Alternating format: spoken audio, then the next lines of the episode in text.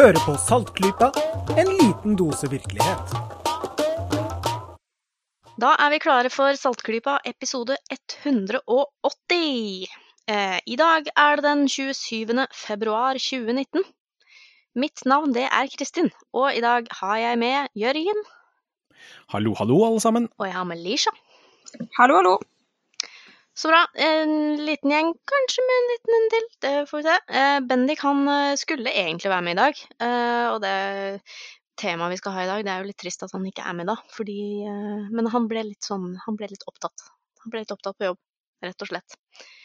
Så da, da blir det oss. Og eh, jeg tenkte jeg bare skulle begynne med å si at jeg var på et ganske kult eh, arrangement på Nasjonalbiblioteket på mandag. Jaha, om dere har hørt om denne og pimpa den litt tidligere her på Saltklypa, denne eh, utstillingen om science fiction og fremtids... eh, fremtid... jo, jo, jo, jo, jo. Ja, fortidens fremtider og alt det der her. Og de har jo en drøss med arrangementer, og jeg skulle gjerne vært på alle sammen, men jeg har kanskje vært på et par-tre. Eh, på mandag så var det et arrangement om verdener i spill. Det syns jeg var veldig fint. Og fokuset, i tillegg så var jo fokuset veldig spesielt, fordi eh, nå har ikke jeg spilt alle spill i hele verden, men Den lengste reisen har jeg spilt. Og det var jo Ragnar Tørnquist som har, eh, er hjernen bak Den lengste reisen, og de to andre spillene i serien, som eh, var der og snakket, blant annet. Eh, og jeg syns det var veldig kul, eh, et kult arrangement, for han, han snakket veldig mye om det der med å ha fokus på å være en historieforteller da, når man lager spill. Riktig. Eh, og det tror jeg er eh, en del av grunnen til at jeg ble så um, Ja, at jeg ble så dratt inn i det spillet også. Eh, og det var egentlig Ja, det var, det var en sånn bra samtale, og det var en sånn spillredaktør som var med der, og en idéhistoriker. Og de eh, snakka veldig mye fornuftig, så det koste jeg meg ordentlig. Og det syns jeg var veldig gøy at vi samtidig da, litt uavhengig av dette, hadde planlagt å snakke litt om spill i kveld. Uh, I denne ukens episode. Ja, Og- det er mye tilfeldigheter rundt spill akkurat nå, faktisk. Det er faktisk det. Så det, det er liksom The stars are aligning, uh, føler Ja. vi her i Saltklypa. Uh, ja, og ikke, ikke bare i det i temamåte, men uh, du Jørgen, du har jo eh, du har jo noen du vil introdusere, faktisk. Ja, jeg skal kommer til introduksjonen, men bare si litt mer om eh, dette her mer med spill, alt som skjer. Fordi på jobben så holder jeg faktisk på å lage en spillutstilling selv. Wow. Ehm, Det er kult. ja, det er kjempegøy. Så eh, vi skal ta for oss eh, spillenes hele historie. Eh, Fra tidligste start vi vet om, og fram til, eh, til og med i fjor. Tenker man liksom helt fra liksom eh, steiner i sanden da, eller, tenk, eller mener man dataspill?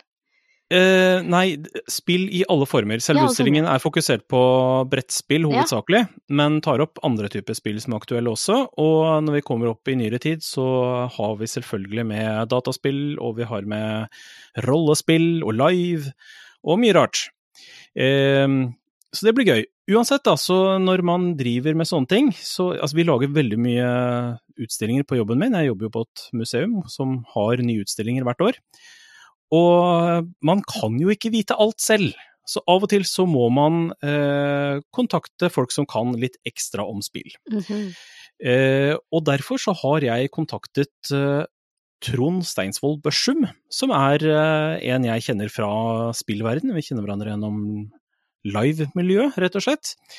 Eh, og han kan da mer enn de fleste om spill. Og så dukket det opp enda en ting som gjorde at uh, vi fant at nei, dette her må vi ta med til Saltklypa og lage en episode av. Mm. Uh, så derfor har vi invitert med Trond hit i dag. Hallo, Trond.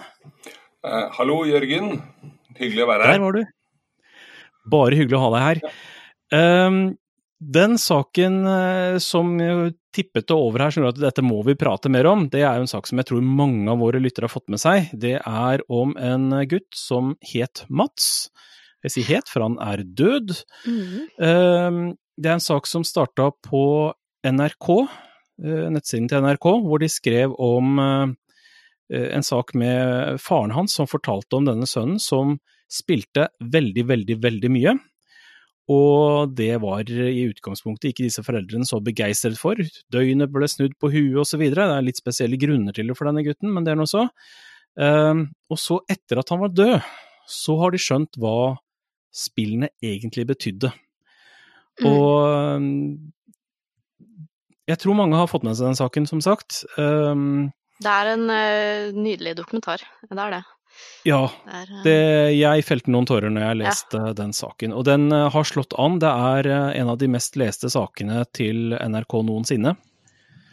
Og den har blitt plukket opp av andre også, i diverse land, ikke minst. Ja. Den, BBC har en sak òg. Ja. ja.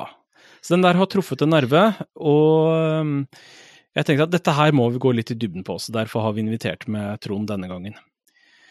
Så jeg vet ikke, eh, Er du kjent med den saken, Trond? Det er jeg. Eh, det hadde vært litt rart hvis jeg hadde kommet her og ikke uh, fått med meg saken.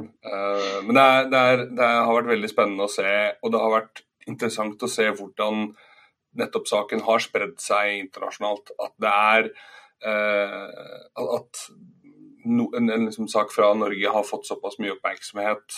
Som sier BBC og CNN og liksom alle de store internasjonale nettstedene har plukket opp og, og har versjoner av saken gående. Eller har hatt det gående. Uh, og det, denne saken har kanskje også fått ekstra oppmerksomhet. Uh, litt, litt, også fordi uh, familien i saken er liksom de du kanskje ikke typisk ser for deg er veldig positive til spill. Og at det er, mm. det er et eksempel på det er jo Faren i saken her, Robert Steen, er jo kanskje litt erketypisk uh, gammel hvit mann, og ikke, ikke nødvendigvis den man ser som, som pro spill. Eh, som jeg tror også har, er, men han har, som jeg tror har hatt mye å si for hvordan saken har spredd seg, rett og slett. For Grunnlaget her er jo at det er denne Mats da, som det handler om. Eh, hadde en uh, muskelsykdom som gjorde at han uh, ikke kom seg ut. Han var bundet til rullestol. Og fordi han ikke kom seg ut, så hadde han ikke noe særlig venner og, og, murte seg inne på rommet sitt og spilte spill. Og det var jo da den situasjonen som foreldrene reagerte på og syntes ikke det var helt heldig. Mm. Og det var da World of Warcraft som var det valgte, jo, det var det. valgte spillet, var det ikke det? Jo, det stemmer. Mm. Ja. Så det er jo da et uh, online-spill hvor man spiller sammen med andre, og det kommer da litt som et sjokk på foreldrene da det viser seg at han virkelig hadde mange venner, de, men de hadde bare aldri møtt sønnen deres i uh, levende livet, men mm. i spillet. Så da begravelsen fant sted, så viste det seg at det hadde dukket opp mennesker som var ukjente for foreldrene, men som uh, kom da f.eks. fra Danmark eller fra England for å ja, for å vise respekt, da. Det er jo mm. enda mer fascinerende det at eh, ikke bare er det mennesker som har spilt med han som kom til begravelsen, men eh, Gilde, altså gruppen med spillere som han pleide å spille med, hadde gått sammen og spleiset for at de som ønsket å reise i begravelsen, kunne ja. gjøre det. Så, så, ikke bare har noen få som Det er ikke bare slik at noen få hadde muligheten til å gjøre det, men, men de som en gruppe gikk sammen for å sørge for at så mange som mulig som ønsket, hadde muligheten til å gjøre det. Mm. Nå... Ja, det var noen som ikke hadde råd til det selv, og da satte det i gang kronerulling og sånt, da, for å hjelpe dem litt. Nå får vi også høre at det er flere som har lyst til å skrive han inn i spillet som en slags eh, Ja, som en slags eh, karakterbasert minneplakett. Ja, og det, det er jo en, en viss det, det, har jo skjedd eh, i noen tilfeller i, um, i online-spill før også, at, uh, at, veldig veldig profilerte spillere faktisk har fått enten som du sier, en, en, en NPC i spillet eller noe tilsvarende dedikasjoner. Så det mm, NPC, altså non-playing character? Yes. yes. Non-playable. Men det som bekymret foreldrene i utgangspunktet, var jo at det virket som om sønnen deres hadde en avhengighet og det er jo en, en, stor bekymring for veldig mange, når de ser da særlig ungdommene sine forsvinne inn i spillverden og være omtrent umulig å få ut igjen. Og ser ut til å være rett og slett avhengige og, og miste kontakten med den fysiske verden samtidig. Mm. Og der er vi inne på et felt som jeg vet at du kan ganske mye om, Trond. Nå risikerer du å legge på femmeren. Uh... Ja. ja, for hvor, hvorfor har egentlig Jørgen eh, invitert deg, sånn bortsett fra å kjenne deg fra fra spillverden? Eh, jo, eh, kort fortalt eh, så har jeg jobbet eh, har jeg en master i medievitenskap, og i, som jeg brukte til å skrive om spillavhengighet i Norge. Uh, I etterkant av det så jobbet jeg som forskningsutreder uh, for Medietilsynet, uh, og har stått bak bl.a. en stortingsmelding sammen med noen andre om problemspilling i 2012. Og jeg eh, jobber som foreleser på, i spilldesign på Westerdals, eller altså Høgskolen Kristiania i Oslo. Og jeg er ansvarlig for en e-sportlinje som skal starte opp ved Akademiet videregående skole i Oslo nå til høsten. Så jeg, jeg um, har gjort dataspill til litt min akademiske og, og arbeidsmessige liv. Uh, og brukt veldig, veldig, veldig mange år på å se på det fra bl.a. avhengighet og spilleavhengighet fra, fra, et litt akademisk perspektiv. OK, da. Da, da stoler vi på at du kan litt. det får gå greit.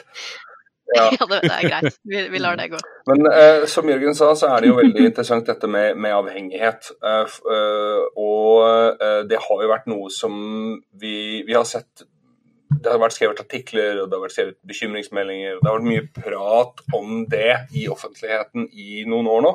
Uh, vi ser det dukke opp veldig i måte, slutten av 2000, begynnelsen av 2010-tallet. Uh, uh, så ser vi at det begynner å bli en av de store bekymringene. Eh, og mm det har jo vært oppe til diskusjon flere ganger. Man har, om, man har snakket om barn som spiller mye som avhengige i ganske lang tid, men det er ikke før i nå sommeren 2018 at det faktisk er en offisiell diagnose eh, på dataspillavhengighet. Ja, og det, det, er, og det, er, sånn, det, er litt spesielt dette her, men jeg skal ikke bli altfor tekniske på det. Men i psykologien, eh, og jeg har en bachelor i psykologi, er derfor jeg også maser litt om dette her, eh, så eh, har vi to store sånn, diagnoseapparater. ICD-11, som det er nå, som er Verdens helseorganisasjon sitt diagnoseapparat. Med andre ord det som inneholder alle kriteriene for forskjellige diagnoser. Og så har det et amerikansk system som heter DCM. Eh, nå er det i, i liksom Verdens helseorganisasjon sitt diagnosesystem at det er dukket opp en, en, en ordentlig diagnose. Eh, og det er, er, det er jo ikke helt, uh, skal vi si, helt ukritisk.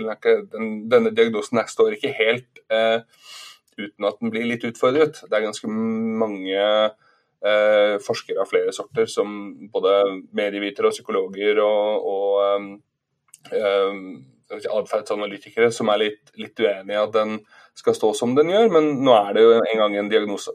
Ja. Hvordan stiller du deg til det? Ser du mhm. på det som en positiv ting? Jeg ser på det som en, en ting som jeg eh, tror er nødvendig, ikke pga. systemet som vi opererer med, altså pga. helsesystemet som vi har både i Norge og i Europa.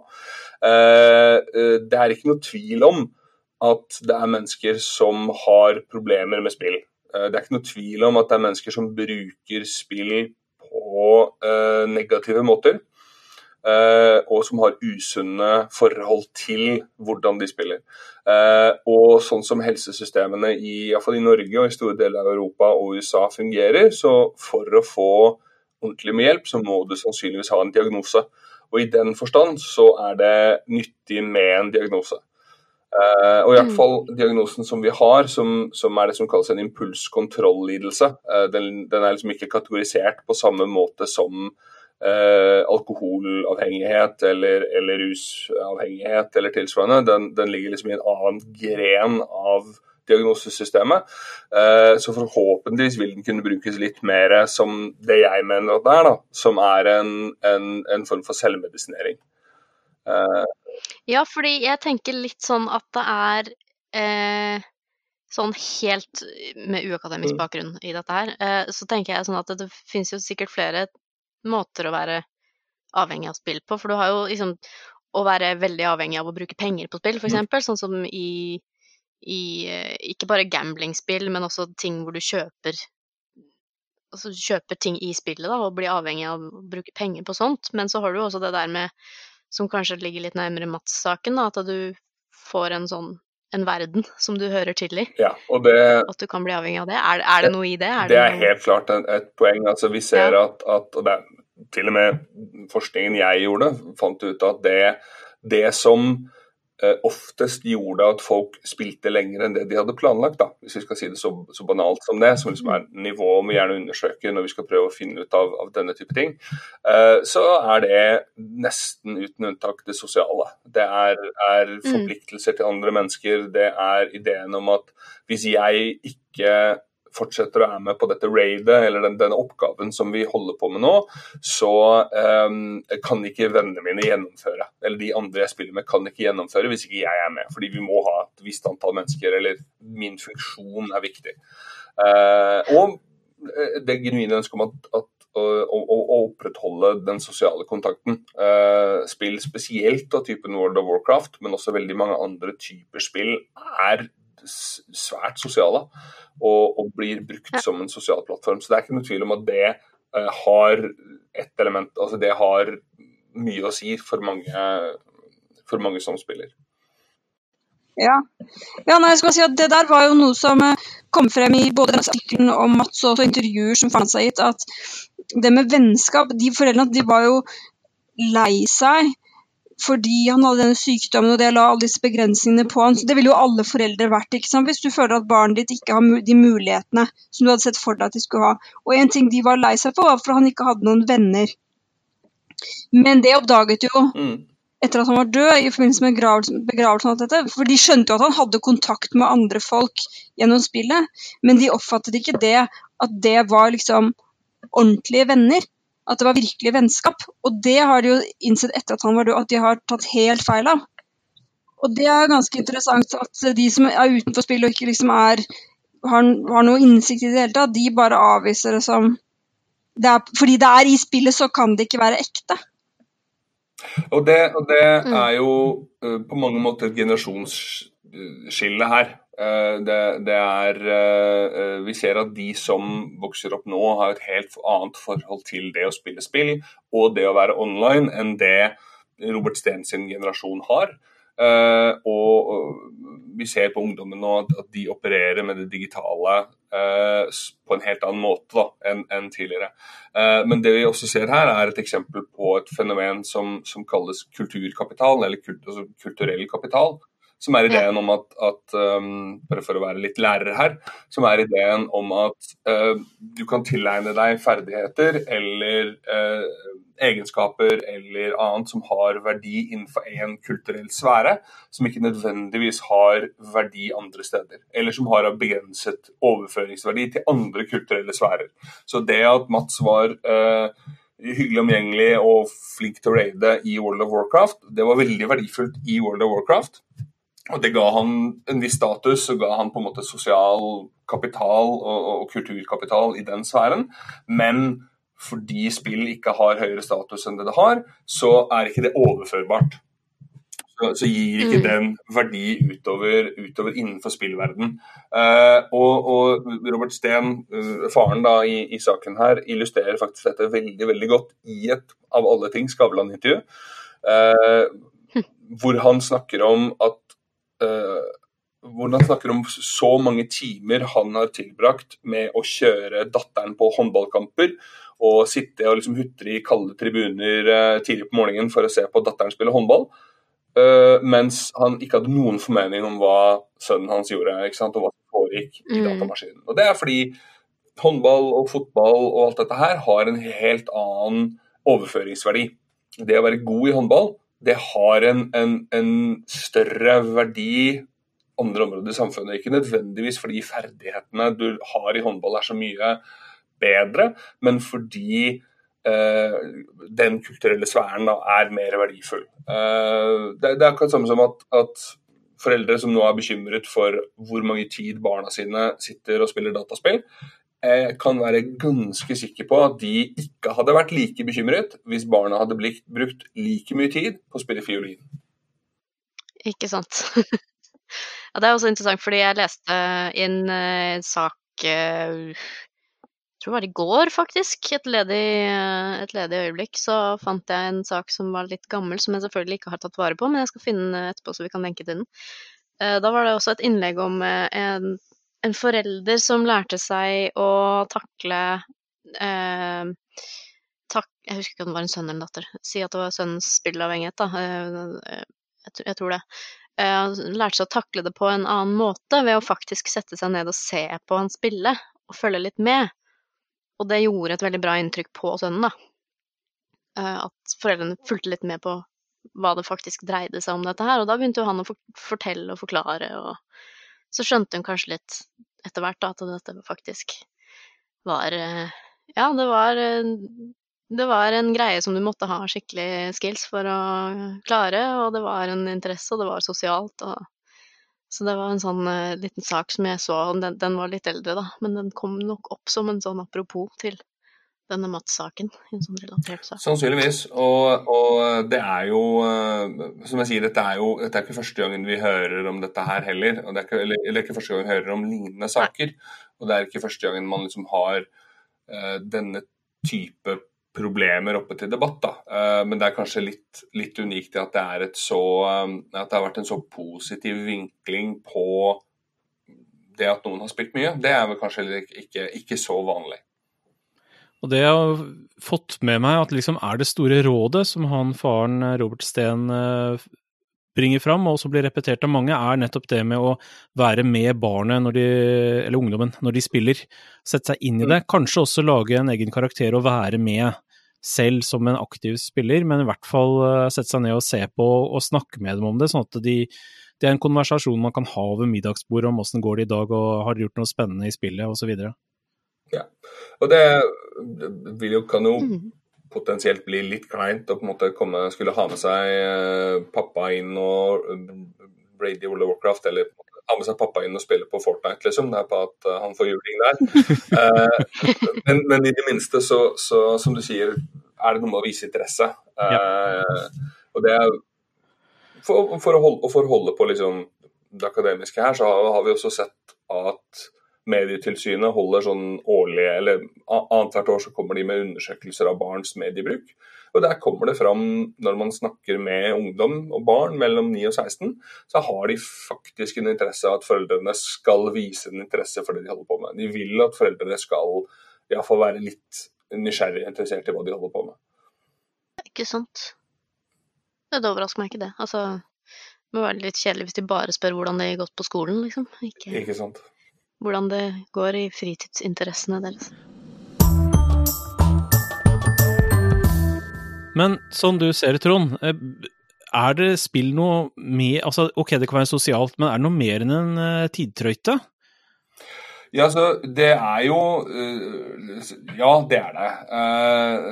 En ting er at det er et veldig nytt, spennende medium. Altså, vi, vi man kan kanskje si ja, jeg har holdt på med det i 30 år, og det har liksom de første dataspillene og hjemmekonsollene kommer jo liksom på slutten av 70-tallet, begynnelsen av 80-tallet. Så det er kanskje ikke så nytt, men, men, i liksom et sånt medieperspektiv så er det veldig nytt, og det er spennende.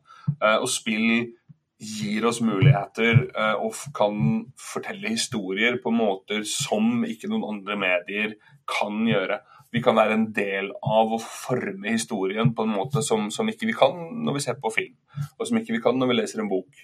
Uh, og, og, den graden av kontroll og den graden av interaktivitet som disse spillene uh, åpner for, da, uh, er, er, egentlig helt fantastiske.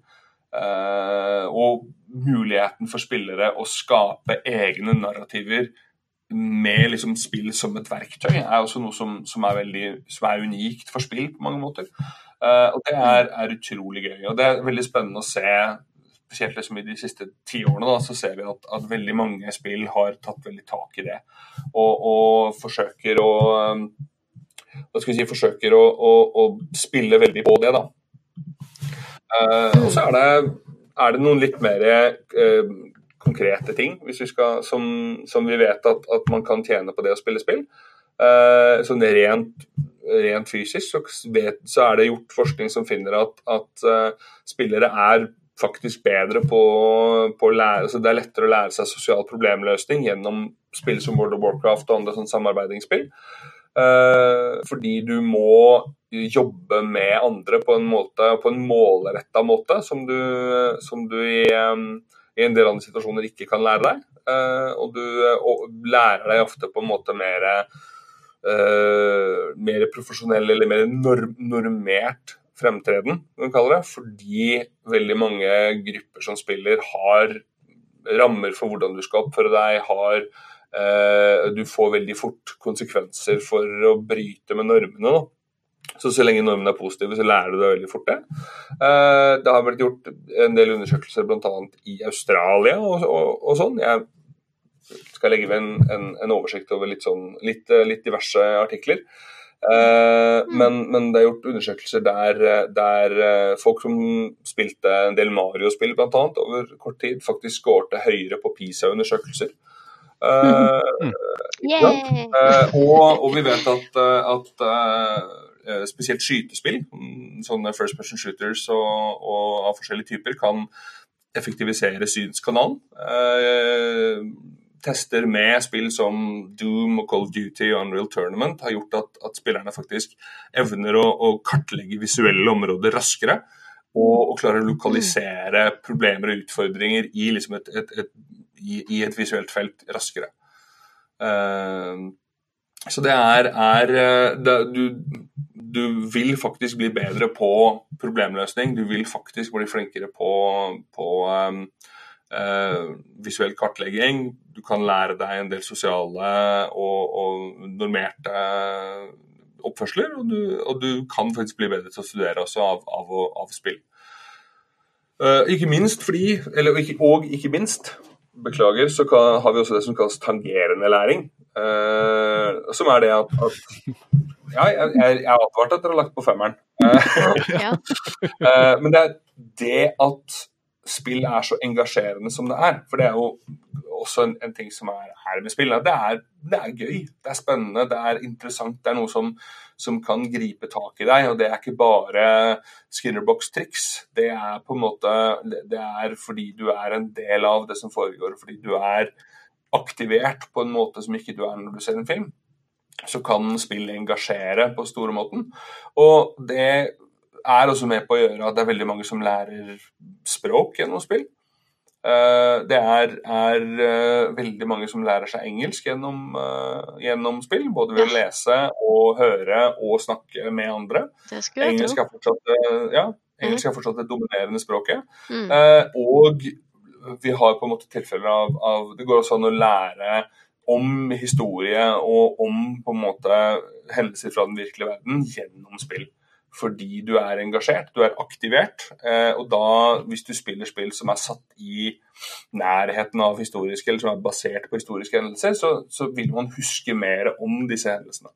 Mm. Eh, der har man også da historiske strategispill eller uh, for eksempel fik fiksjonsspill satt i virkeligheten og sånn, så ser man at, at, folk faktisk husker mer om disse hendelsene og har utvida kognitive skjemaer for disse, disse, disse, fenomenene. Som det er, lettere å, det er lettere å legge på nye ting fordi du allerede har et visst forhold til det. Yes. Så det er, det er, mye spennende. Det er mye, det er mye, det er mye veldig, veldig Det er mye veldig spennende med spill. Sånn utover at det er fryktelig, fryktelig gøy. Ja, ikke sant. Jeg har lyst til å ta en liten sånn, eh, en liten sånn intermission her, og liksom bli kjent med Saltgruppa. For jeg har lyst til å spørre Lisha og Jørgen, hvordan er deres forhold til spill? Jeg vet jo at Jørgen eh, har jo drevet mye med eh, levende rollespill, og Lisha, du er sånn skikkelig brettspill-geek. Men hva med dataspill? Hvordan har, vært, har forholdet deres vært til det? Jeg har aldri spilt noe dataspill. Bare brettspill og kortspill. Bare fysiske spill. Oi, det er ganske Oi, oi, oi. nesten litt sjelden, da. ja, ja, nei, jeg starta min tidlige karriere med Det første dataspillet jeg spilte, var vel eh, Arkadespill. Faktisk eh, må det ha vært Space Invader. Mm. Og, og um, Donkey Kong tenker jeg. Men så fikk jeg Commodore 64 eh, tidlig på 80-tallet, og etter det så har jeg jo spilt og spilt og spilt og spilt og spilt og spilt. Eh, Fram til jeg eh, hadde drept min Amiga, og det tok noen år fikk, før jeg fikk en PC, og så ble det litt mindre av det. Så nå er jeg sånn casual-spiller, jeg spiller bare litt sånn i ny og ne. Mm. Eh, men uh, har hele tida spilt et del brettspill, og store deler av tida drevet med levende rollespill. Jeg har jo eh, Jeg husker jo da jeg var liten at jeg fikk noen sånne derre eh, Ja, hva skal man kalle det? De, de sånne små håndholdte spill som bare hadde ett spill, vet du. Med sånne høye, skarpe lyder. Type sånn 80-talls. Watch and game? Litt sånn eh, Game Ja, Watch? det er ikke noe sånn utskiftbare spill eller noe som helst. Det var liksom bare en sånn Nei. dings som man holdt som hadde et eller annet sånn type uh, skyte ned aliens-type spill. Sånn romskip Space Invaders-aktig. Eh, men det er jo Det er jo Nintendo og Super Mario Brothers som er min Den største delen av historien min når det gjelder spill. Det er jo det. Uh, og det gikk vel faktisk Skal vi se Ja, jeg fikk jo den sånn på Jeg husker jeg fikk en sånn fra Vi hadde en, en såkalt onkel i Amerika. Eh, jeg har fremdeles, selvfølgelig. Eh, som jeg fikk Nintendo fra. Eh, ja, med NTSC-system og sånn, så jeg måtte bare få spill fra, fra USA Mm, og ikke sånn for å få det til å funke. Ja, eh, bortsett fra en sånn piratkassett jeg hadde en gang, da. Det var jo det var med sånn 50 spill på. Men Mario er, eh, er liksom den store helten eh, for meg. Og så har jeg jo spilt noen få dataspill som for eksempel Ja, som jeg nevnte i stad, Den lengste reisen er jo litt sånn hyggelig nostalgisk for meg. Eh, og Sims og noen sånne småspill. Sånn, litt sånn kunstferdige småspill. Jeg liker veldig godt å spille Jeg, jeg liker veldig godt å spille um, enten alene eller med noen som sitter i samme rom som meg. Jeg er ikke så Ja, veldig på sånn den er der online-spill-greia, ja, men det er kanskje en generasjonsgreie, det òg. Jeg vet ikke. Ja. Jeg vet mannen min spiller, med, spiller litt online med folk. Så Men eh, det er for meg. Super Mario er helten. Super, Super Mario er, er jo en av de store, så det er, Ja. det, er jo, det, er jo, det er jo ikke bare fordi han var en av de første, men det er fordi det er, det er solide spill, og det har vært veldig mange sånn benchmark-spill i Mario-serien som gjør at de har klart å, å At Mario fortsatt er en av de mest gjenkjennelige figurene fra noe dataspill. Mm. Absolutt.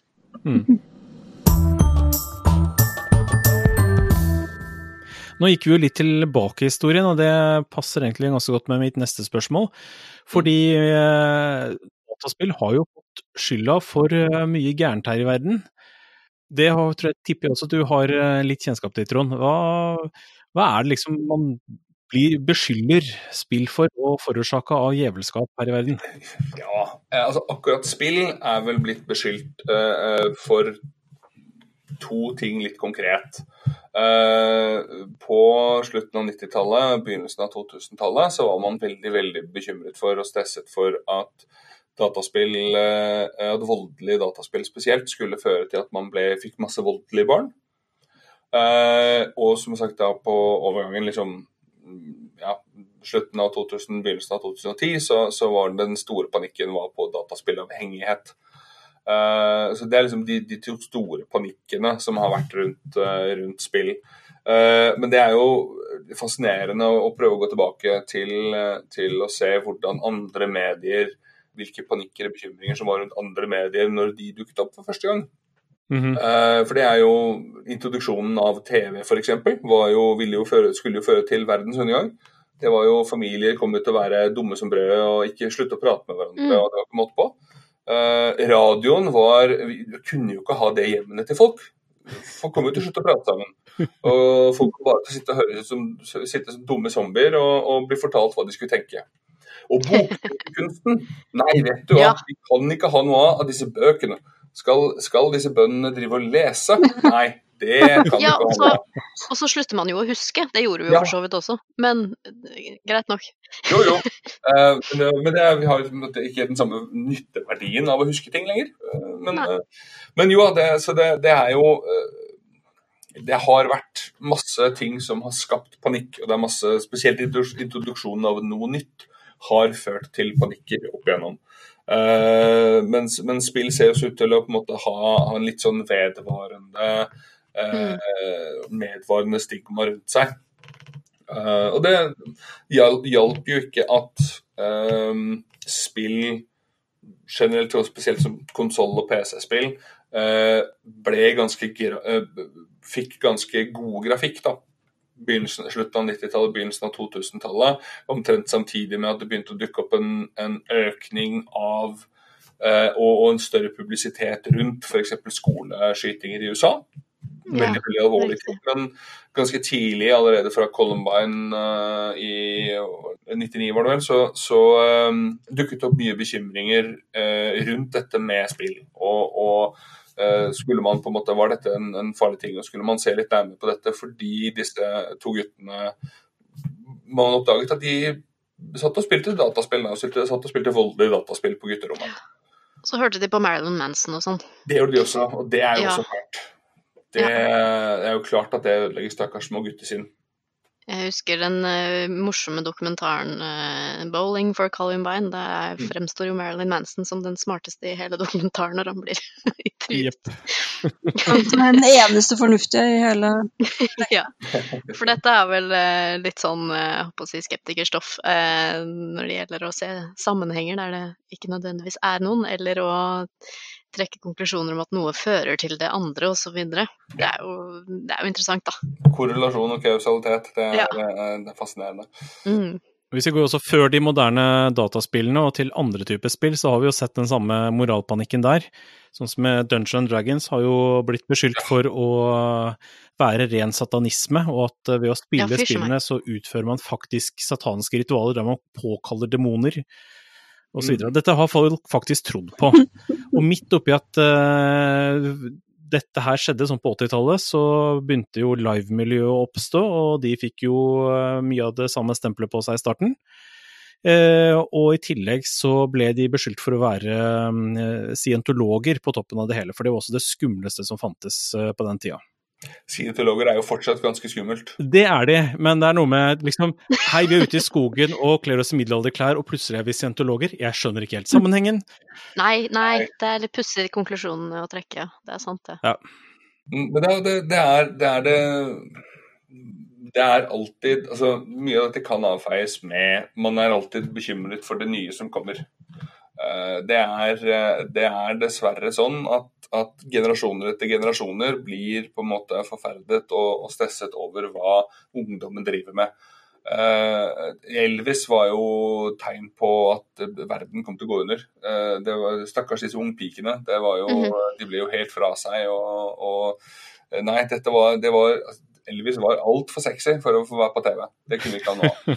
Uh, Han ble jo filmet bare fra livet og opp på en ja. berømt opptreden. Ja. ja disse hoppene. Det kan, ja, kan ikke ha noe med disse Fikk ikke være på TV. Hips don't lie. Skulle sett en musikkvideo fra 2000 og et eller annet, så hadde de kanskje R. Kelly. Ja. men også, kan jeg bare skyte den her, vi kan jo le av dette, det er jo en del morsomme ting òg for så vidt, men når det oppstår sånn moralpanikk, så kan det faktisk bli ekstremt alvorlig. Jeg leste nettopp ut den andre boka av tre planlagte til hun eh, Mara Leverett, som har fulgt saken med de West Memphis Three. Mm. Eh, helt fra egentlig ja, fra drapene skjedde, vil jeg si. Og der oppsto det akkurat en sånn moralpanikk. At tre barn var drept på ganske grusomt vis, og man måtte finne en eller annen skyldig. Og så var det noen en liten kompisgjeng med noen gutter som hadde langt hår og gikk i svarte T-skjorter og hørte på Metallica og leste Stephen King. Og den ene av dem var interessert i noe Wicca-greier og noe sånt. Og da fant man en løsning at vi legger skylda på disse her. Og da, de mhm. ble jo faktisk sendt i fengsel på livstid, og den eldste til og med dømt til døden. Mm. For noe de ikke hadde noe som helst med å gjøre. Beviselig ikke hadde noe som helst med å gjøre. Mm. Og det var kun pga. en sånn moralpanikk. Jeg syns det er veldig, veldig rart at uh, noe sånt skal føre frem i retten i det hele tatt. Når jeg har uh, Jeg har jo vært litt bitte lite grann på innsiden med å ha vært meddommer en gang og altså, har fått med meg hvor Altså, det skal ikke være noe tvil, liksom, for at man i det hele tatt skal komme med en dom. Så at, det, at sånt kan bare bygge på at folk skal ha noen å skylde på, det syns jeg er ganske Er det noen sånne amerikanske fenomener, eller? Jeg vet ikke. Uff a meg. Ja, dette var jo begynnelsen av 90-tallet, første alder av 90-tallet, og da var, hadde jo den der Satanic Panic eh, gående rundt. da, Og når de fikk ja. Eh, aktoratet klarte å få inn dette her, at dette var noe slags eh, okkult, eh, satanistisk offerrituale, så ble folk rett og slett så uh, irrasjonelt redde at uh, de lot skuret. De lot det gå gjennom. Mm. Men det er, det er det samme, da. Det er en moralpanikk hvor du skylder på noe eksternt som man selv ikke forstår, og som man opplever som truende. Du vil ha, du vil ha en enkel, enkel løsning. Du vil ha en enkelt svar. Ja, og noe å legge skylda på. Det, det er så mye bedre hvis du kan peke på og si at det er dette her, det er denne tingen som har kommet inn og ødelagt det som er trygt. Det er denne ene tingen som har blitt gjort feil. Eh, det, er, det er spillene, det er, det er Dungeons and Dragons, det er eh, De kler seg, de kler seg Ja, Stephen King. De Stephen kler seg King. abnormalt, de ter seg annerledes. Fordi hvis det er noe annerledes ved dem, så kan ikke det skje med meg. Så kan ikke det skje med de jeg er glad i. Nei, jeg skulle akkurat til å si det.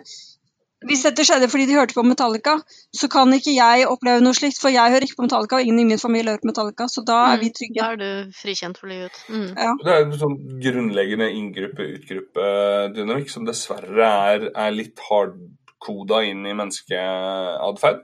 Og som liksom er noe vi må aktivt jobbe mot som mennesker. Den, den ideen om at det er et oss og dem, eh, er noe som, som det er my, mye som tyder på at vi er, er et visst biologisk grunnlag for. Og det er noe som vi må jobbe mot som mennesker.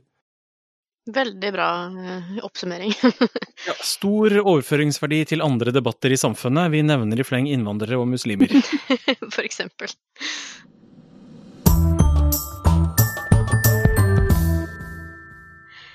Men er det noen negative konsekvenser av spill, da? Vi har snakka veldig mye om eh, at alt er så positivt og fint. Ja, altså det er jo eh, Det er jo det. Det er jo, som jeg sier, det er jo eksempler på at mennesker eh, som jeg sier, altså, Ja, det er, et eksempel, eksempel på misbruk. At folk bruker det på dårlige måter. Og det er jo alltid noe man må være, være var på. Og det er mange typer spill som er legger, legger det veldig lett til rette for at man skal kunne misbruke de, eller bruke de på en dårlig måte. Eh, spill som World of Warcraft eh, har, jo, eller hadde, har jo så mye innhold at du kan holde på å spille i, i ukevis uten at det er noe problem. Mm.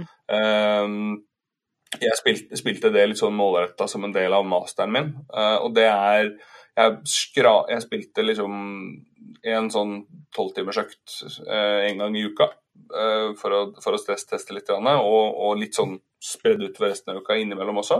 Og jeg kommer jo ikke i nærheten av å skrape overflaten av mengden innhold bare i, i, som er i spillet. Så det er, er, eh, det er spill som er laget for å, for å kunne fortsette å spille. Og veldig mange moderne spill er jo Eh, også laget for å være online. Spill som Fortnite Overwatch og Battlefield uh, og Star Wars Battlefield og en del av disse, disse moderne online-spillene er også laget for å være spill som du spiller kontinuerlig. Uh, og de, bare for å også ha hentet tilbake til det som jeg har nevnt tidligere, det er også en, en ting som har vært veldig synlig de siste to årene ca. Så begynner det å være en del spill som, som faktisk bruker gambling-mekanismer i spillene. Det skulle jeg til å si. Ja. At, du kan, Mm. at du kan faktisk bruke uh, ekte penger på å kjøpe Ikke bare kjøpe gjenstander i spillene, for det har du kunnet i ganske mange år, men kjøpe eh, kasser som der det er en tilfeldighet, en tilfeldig sjanse for at du får gjenstander av en viss verdi. Mm. Du kjøper deg basically lotteribilletter i spillet, og der du har en sjanse for å få utstyret du har lyst på, eller skins, altså eh, nye, nye grafiske modeller til liksom våpnene eller, eller karakterene dine, eh, boost og den type ting. Så du kjøper pakker som det er en det er tilfeldig hva som er en viss tilfeldighet over hva som er i pakkene. Eh, og da, så det er også noe som vi vet at det er mennesker som bruker veldig mye penger på. Og, og det er ikke bra. Spesielt også hvis det er litt, litt yngre mennesker som kanskje ikke har den samme impulskontrollen som voksne. Eh, eh, der er det helt klart en, en fare for at man kan, man kan bruke mer penger enn man er klar over. da. Og det gjelder vel også kanskje disse her små, mindre spillene som man spiller på mobiltelefonen sin. Det jo At det er en sånn industri av folk som har veldig smarte eh, si, psykologer på lag, som vet alle triksa for å få, få deg til å bare fortsette å spille, og da helst bruke penger. mm, bygger på helt grunnleggende belønningsmekanismer i spill. Eh, Mm. Så altså alt fra liksom lyder kombinert med blinking eller grafikk som gjør at det liksom trigger akkurat det riktige Ja. stedet på akkurat riktig tid. Sånn Candy Crush det- er et av de mest innbringende spillene noensinne. Det er et av de spillene som har tjent mest penger noensinne. Og det er fordi det er eh, bygger på helt grunnleggende belønningsmekanismer. Det vi kaller Skinner-box. Altså sånn helt Mm. grunnleggende læringspsykologi. Uh, og det er, det, er, det er ikke heldig. Nei? Ja, men det er bra vi fikk litt uh, moralpanikk her også. Som, som, som lærer så må jeg også si det at det er, det er også Det er problematisk at dette er noe som ungdom på en måte holder på med istedenfor skole. Jeg, jeg gjorde det selv, det er ikke det. Jeg, jeg holdt på å spille bort andreåret mitt på videregående skole selv. Eh, så det er ikke, det er ikke, det er ikke sånn fy, fy, fy, fy, liksom. Men, men Ja. det, er en, det er et problem når noe som skal være underholdende, som skal være positivt, som skal være gøy, ødelegger for jobb eller skole eller, eller andre deler. For det kan det gjøre. Og det er, er ganske lett å, å um, la det gå ut over sånne ting. Da. Men det, det gjelder jo mye annet også. Og så er det, det er siste punktet da, hvis vi skal holde på å være ordentlig på, på det negative, så er det i forhold til andre aktiviteter, så er det ganske stasjonært. Du må på en måte passe på at du rører på deg. Mm. Eh, Det å sitte fire timer i strekk er uavhengig av om du spiller eller om du sitter på en kontorpult og skriver eller ser på TV, så er det, det er ikke helt heldig å sitte så lenge uten å være oppe og røre litt på seg. Ja, men bra. Begynner vi å komme til en konklusjon her. Det er eh, Jeg vil i hvert fall repetere at hvis eh, noen av lytterne våre har barn da, og som spiller, så er det jo verdt å repetere at det er eh, greit å følge litt med og vise interesse, i hvert fall, på hva de driver på med. Definitivt. Det gjelder jo alt som barna driver på med, men av en eller annen grunn så er det visse ting som foreldrene har en tendens til å bare avfeie. Ja, liksom Og ikke andre ting som Ja. Hvis de driver med sport, så er det da må du selvfølgelig engasjere deg. Og som han eh, Sten da driver og kjører rundt på ungen i alle døgnets tider til alle mulige merkelige steder. Mhm. Eh, men eh, det er sport, så det er er liksom det er normalt. ta også ikke lag et kunstig skille der, tenker jeg, mellom forskjellige typer fritidsinteresser. Men hvis først det begynner å bli en problematisk atferd, vet du om noen steder man kan henvende seg for å få hjelp og råd? Det gjør jeg, vet du. Eh, Det er eh, For så har Medietilsynet en egen eh, eh, nettside som heter problemspilling.no. Mhm. Der har de på en måte veldig mye ressurser eh, eh, samlet opp rundt dette her. Eh, det er også en, en, en nettside en annen nettside som heter da eh, Snakk om spill, som har veldig mye informasjon om dette her. Og så eh, har vel nå ganske nylig så har også eh, eh, Hjelpelinjen for spillavhengighet har begynt å, å ha en del ressurser rundt dataspillavhengighet også. Eh, så det er bare sånn umiddelbart steder som har, eh, har en del. Men, men Medietilsynet eh, har veldig mye gode ressurser rundt akkurat dette her. Eh, og har noen egne sånne brosjyrer med spilleråd til foreldre både på nynorsk og bokmål og samisk og alt mulig. Så bra. Ja. Nei, men da sier vi vel at vi eh, har kommet til en slags eh, ja, ende. Vi kunne sikkert snakke om veldig mange andre temaer innen spill. Kanskje vi kan spare det til en annen Jeg gang. syns kanskje at Trond, hvis han har et eller annet eh, han brenner inne med som han, noe han vil anbefale, eh, så må han få sjansen til det. Ja, det, det pleier vi jo å gjøre her i Saltgruppa. Avslutte med litt anbefalinger.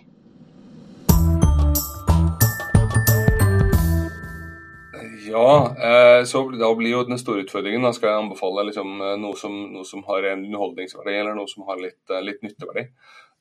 Hvis jeg skal anbefale noe bare ren underholdningsverdi i nyere tid, så vil jeg anbefale et spill som heter Horizon Zero Dawn. Det har jeg hørt. Du er ikke den eneste som har anbefalt det til meg. Nei, det er et, et, spill som har en helt fantastisk estetikk og en, en genuint god historiefortelling. Eh, så det er eh, helt, helt klart verdt å få med seg. Bra. Da kan vel kanskje jeg bare fortsette med min anbefaling også? Gjør det. Ja. Jeg nevnte jo i starten her at jeg holder på å lage utstilling om spill, så den vil jeg gjerne få blesta litt, da. Yeah. På Veien kulturminnepark eh, rett utafor Hønefoss. Der har vi altså et museum, og der åpner vi utstillingen som da heter Leikmout. Eh, som handler om spill. Leikmout er da et gammelt eh, norrønt ord som eh, den dag i dag er brukt på islandsk om eh, idrettsstevner. Det er altså leik eller spill og mote møte, treff. Mhm. Så det er det å møtes for å spille og tevle. Så det er utstillingen vår. Den eh, tror jeg kommer til å bli kjempekul. Vi driver også samarbeider med Hønefis, Hønefoss spillklubb. Hønefis. Sorry. Ja, da ble jeg kjent som han som omdøpte Hønefoss til Hønefis. Det må du Ja. ikke klippe bort. Nei, vi får la den stå. Nei, men Hønefoss eh, spillforening eh, har vi fint samarbeid med, så det er mulig å komme på museet vårt og være med på spilldager. Bare følg med på hjemmesida vår, eller Facebook-sida vår, eller Facebook-sida til eh, den spillforeningen, så, så finner dere ut av det. Og kom på museet vårt, som da Den utstillingen åpner eh, søndag 26. mai. Så fra da og fram til desember så står den utstillinga. Ja, men bra. Da får vi håpe at det kommer mange på den utstillingen. Jeg har jo veldig lyst til å dra seg. Det er jo en, en stund siden jeg var der nå. Vært der en Mhm. gang før. Veldig fint der. Ja. Veldig fint. Ja, absolutt. Men eh, skal vi eh, si at det var det? Eh, vi kan jo først og fremst si tusen hjertelig takk til Trond Steinsvold Børsum, som ville komme og snakke med oss om ting han kan mye om i dag. Bare hyggelig. Det har vært veldig, veldig hyggelig å få prate med dere. Ja, men så bra. Da tenker jeg at vi andre snakkes om en, en liten stund, som vi pleier å si.